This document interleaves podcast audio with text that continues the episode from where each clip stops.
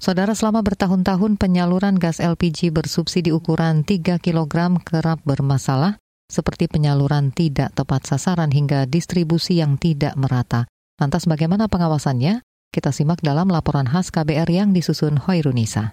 Kementerian Energi dan Sumber Daya Mineral kembali menegaskan upaya untuk melakukan transformasi subsidi gas LPG ukuran 3 kg.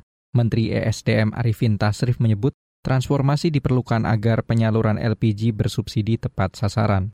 Mencermati realisasi sampai dengan bulan Juli 2023 dan Outlook 2023, kami mengusulkan volume LPG 3 kg sebesar 8,03 juta metrik ton. Arah kebijakan LPG yaitu melanjutkan upaya transformasi subsidi LPG tabung 3 kg menjadi berbasis orang dan terintegrasi dengan data penerima manfaat yang akurat. Di antaranya dengan pendataan pengguna LPG tabung 3 kg berbasis teknologi Pembelian gas LPG 3 kg kini menggunakan aturan baru mulai 1 Januari kemarin. Kementerian ESDM mendorong masyarakat penerima subsidi segera mendaftar ke sub penyalur atau pangkalan resmi LPG bersubsidi. Nantinya PT Pertamina hanya akan melayani pembelian bagi masyarakat yang terdaftar dengan cukup membawa kartu identitas KTP. Juru bicara PT Pertamina Patraniaga Irto Ginting memastikan akan melayani konsumen rumah tangga tanpa pembatasan,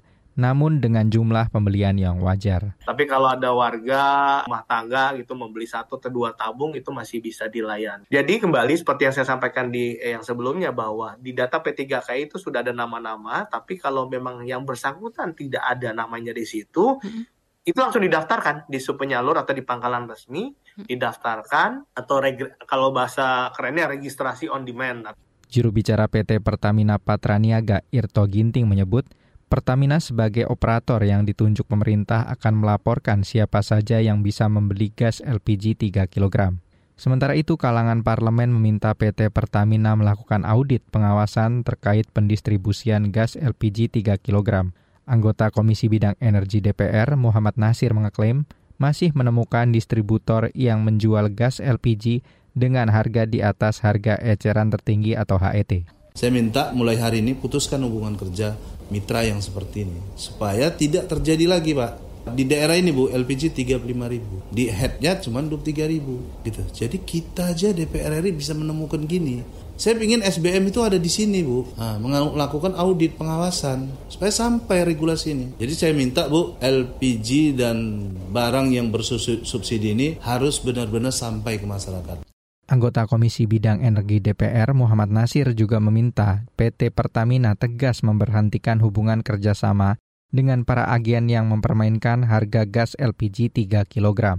Tidak adanya pembatasan pembelian LPG bersubsidi selama ini mendapat sorotan dari pengamat kebijakan publik Trubus Rahadiansyah.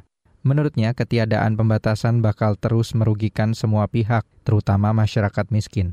Trubus menyebut pengawasan pemerintah dan Pertamina masih lemah. Ia memperkirakan konsumsi LPG bersubsidi bakal terus melebihi kuota karena tidak tepat sasaran dan membuat anggaran jebol.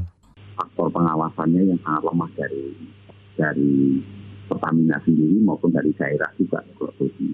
Jadi Pertamina itu berkolaborasi dengan ini mbak dengan pemerintah daerah.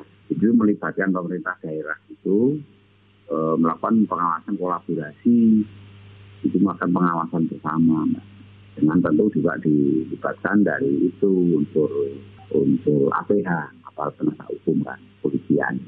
Pengamat kebijakan publik Trubus Rahadiansyah menyarankan pemerintah lebih memperkuat pengawasan di tingkat agen distributor dan pengecer gas LPG 3 kg. Tujuannya untuk memastikan berjalannya implementasi aturan di lapangan. Demikian laporan khas KBR disusun Hoirunisa, saya Reski Novianto. Kamu baru saja mendengarkan news wrap up dari KBR Prime. Dengarkan terus kbrprime.id, podcast for curious mind.